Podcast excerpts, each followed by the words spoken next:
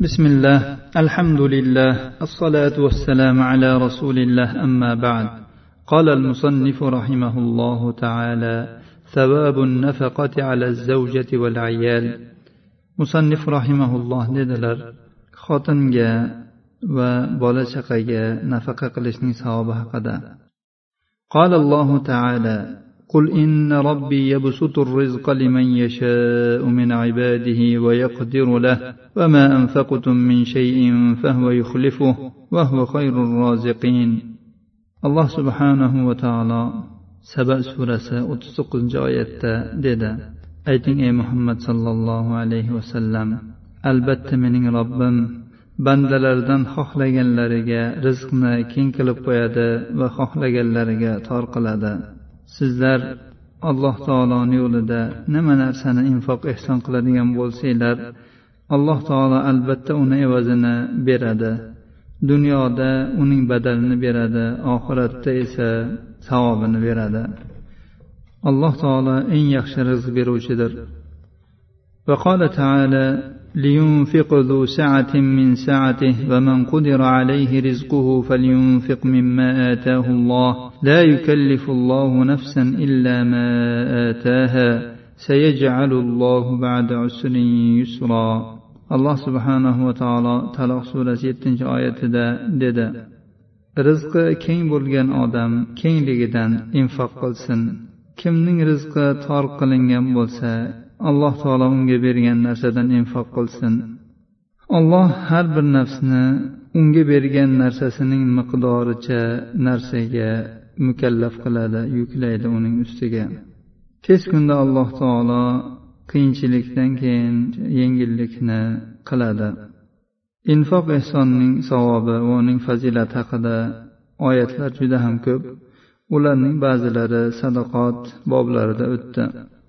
وعن ابي مسعود رضي الله عنه عن النبي صلى الله عليه وسلم قال اذا انفق الرجل على اهله نفقه وهو يحتسبها كانت له صدقه رواه البخاري ومسلم abu masudin al ansoriy roziyallohu anhudan rivoyat qilinadi nabiy sollallohu alayhi vasallam dedilar agar kishi ahli ayoliga biron nafaqani qilsa va u buning ajrini umid qiladigan bo'lsa albatta u uchun sadaqa bo'ladi imom buxoriy va muslim rivoyatlari ya'ni biron narsani bola chaqaga infoq qilayotganda ya'ni sarflayotganda uni ajrini umid qilishni niyat qilib qo'yish kerak ekan وعن ابي امامه رضي الله عنه قال قال رسول الله صلى الله عليه وسلم من أنفق على نفسه يستعف بها فهي صدقة ومن أنفق على امرأته وولده وأهل بيته فهي صدقة رواه التبراني بإسناد حسن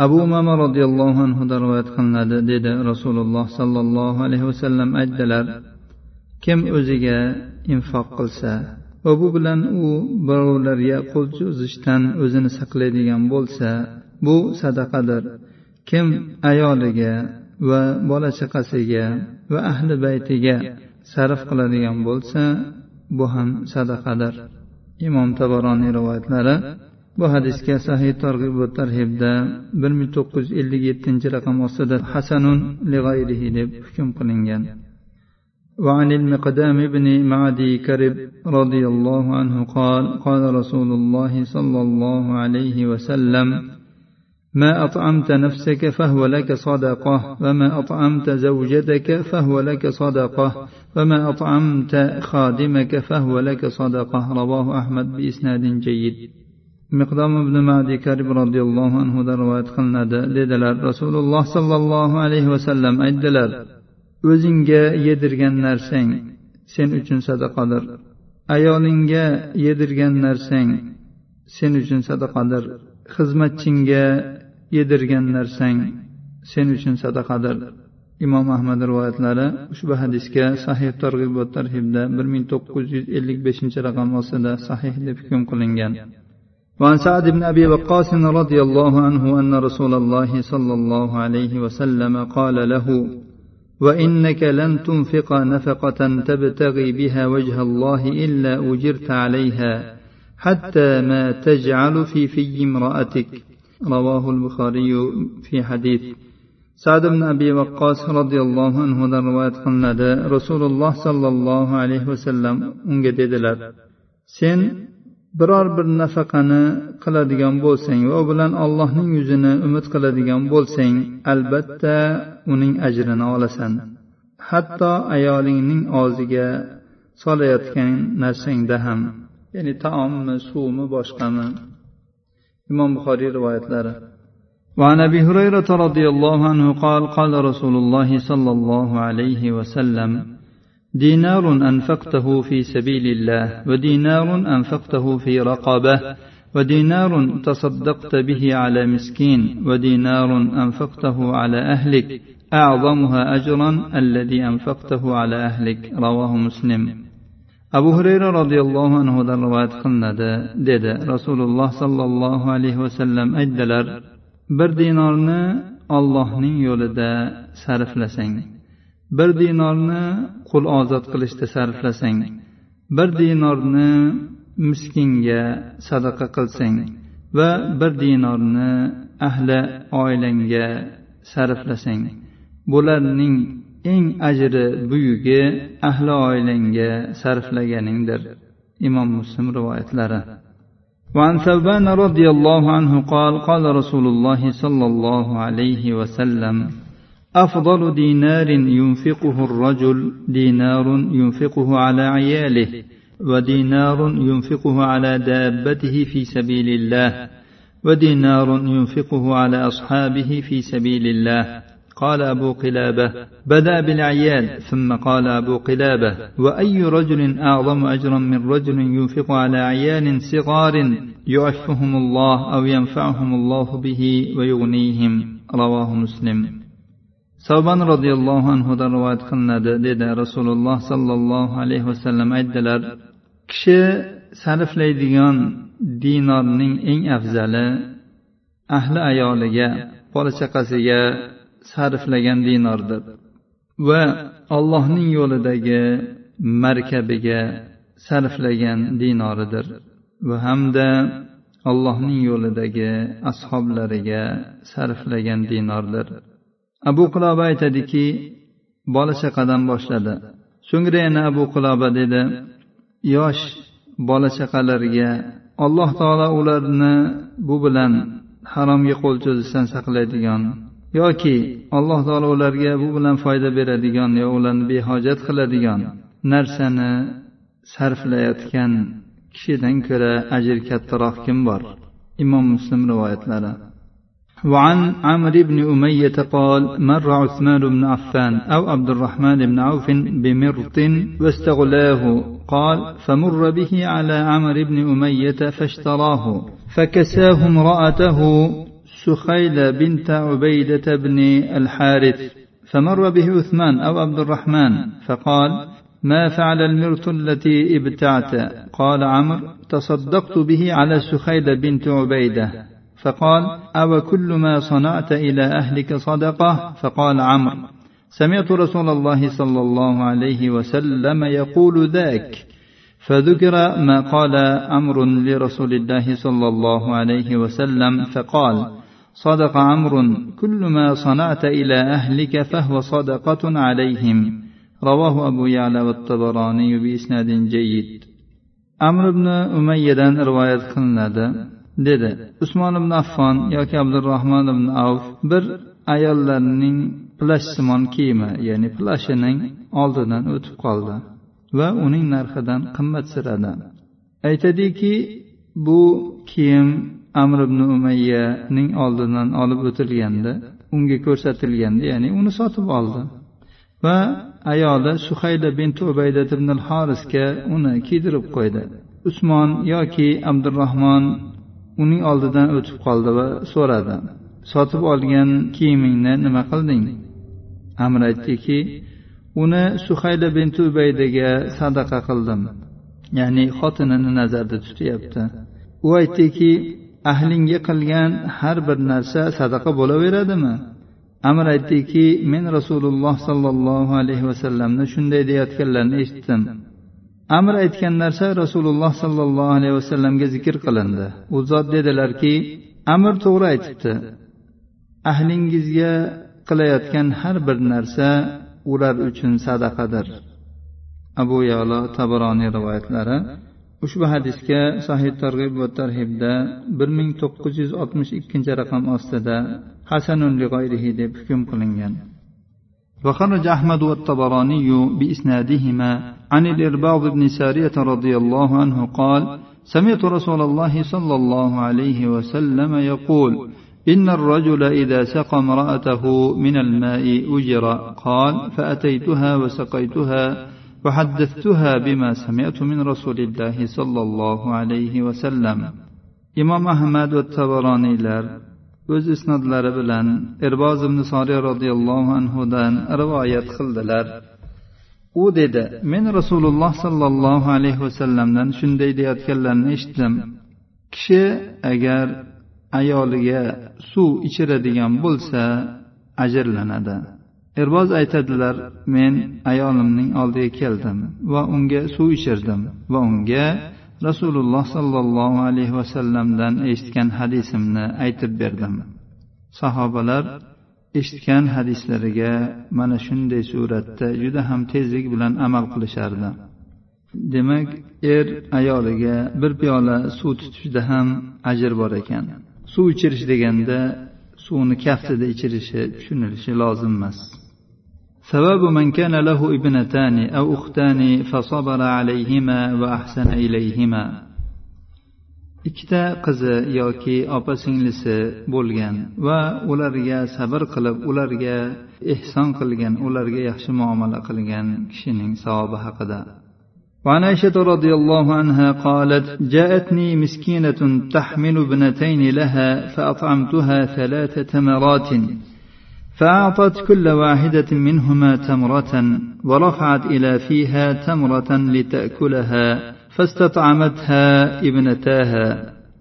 فشقت التمرة التي كانت تريد أن تأكلها بينهما.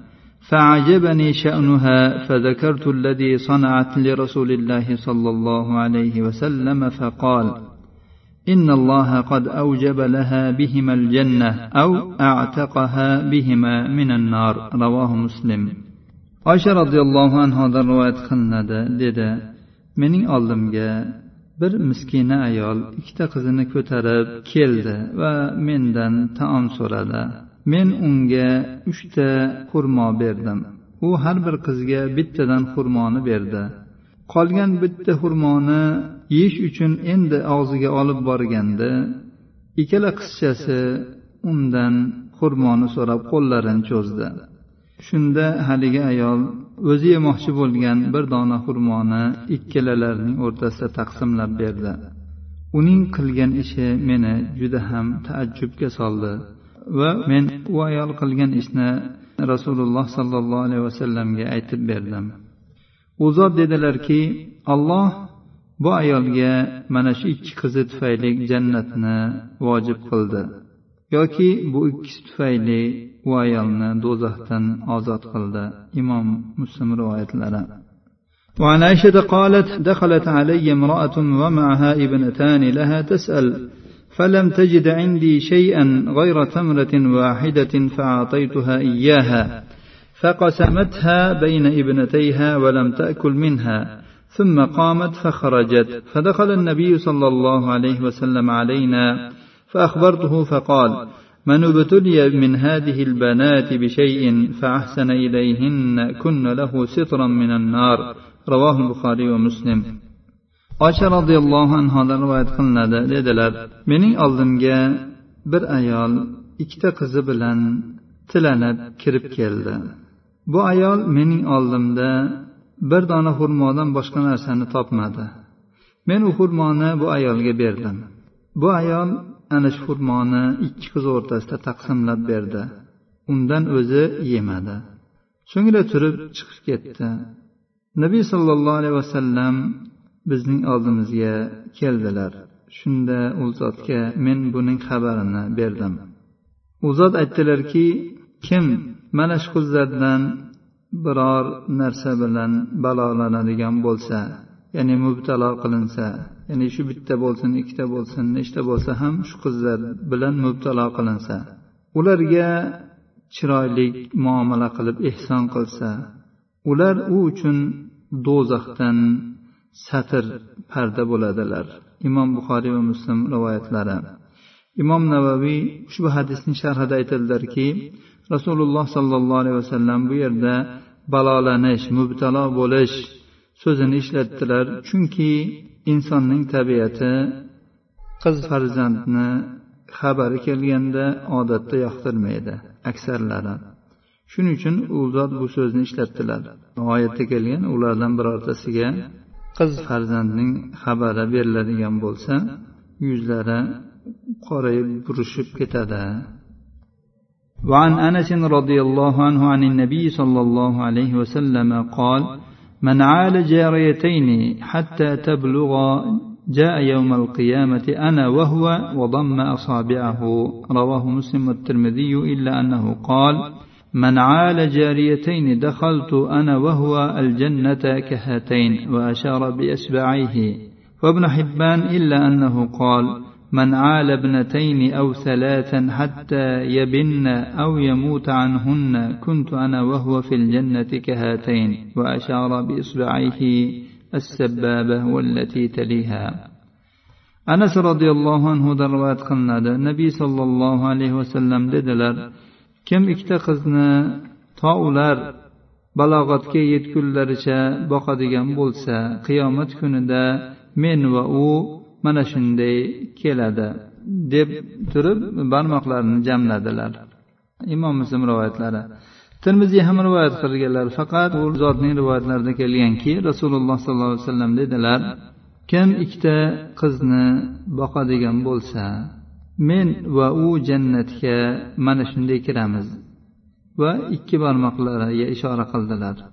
Ibn hibbon ham rivoyat qilganlar rivoyatlarda aytganlarki u zot dedilar kim ikkita yoki uchta qizni to ular turmushga chiqqunlaricha boqib katta qilsa yoki ulardan oldin vafot qilib ketsa men va u jannatda mana shunday bo'lamiz va ko'rsatkich va o'rta barmoqlariga ishora qildilar وعن جابر رضي الله عنه قال قال رسول الله صلى الله عليه وسلم من كن له ثلاث بنات يؤويهن ويرحمهن ويكفلهن وجبت له الجنة البتة.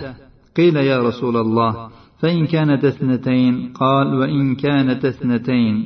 قال فرأى بعض القوم أن لو قال واحدة لقال واحدة. رواه أحمد بإسناد جيد والطبراني وزاد ويزوجهن. jobir roziyallohu anhudan rivoyat qilinadi dedi rasululloh sollallohu alayhi vasallam aytdilar kimni uchta qizi bo'lsa u ularga boshpana bersa ularga rahm shafqat qilsa ularni o'z kafolatiga olib yaxshilab qarasa u uchun jannat albatta vojib bo'libdi. Ey rasululloh ikkita bo'lsachi deb aytildi. U zot ikkita bo'lsalar ham dedilar. Roviy aytadilar qavmdan ba'zisi o'ylaydiki agar bittachi deb so'ralganda u zot bittaga ham deb aytardilar. Imom ahmad va tabaroniy rivoyatlari tabaroniy va ularni turmushga chiqarsa degan ziyodani ham qilganlar. Ushbu hadisga sahih targ'ib va tarhibda bir ming to'qqiz yuz yetmish beshinchi raqam ostida sahihun lig'oyrihi deb hukm qilingan.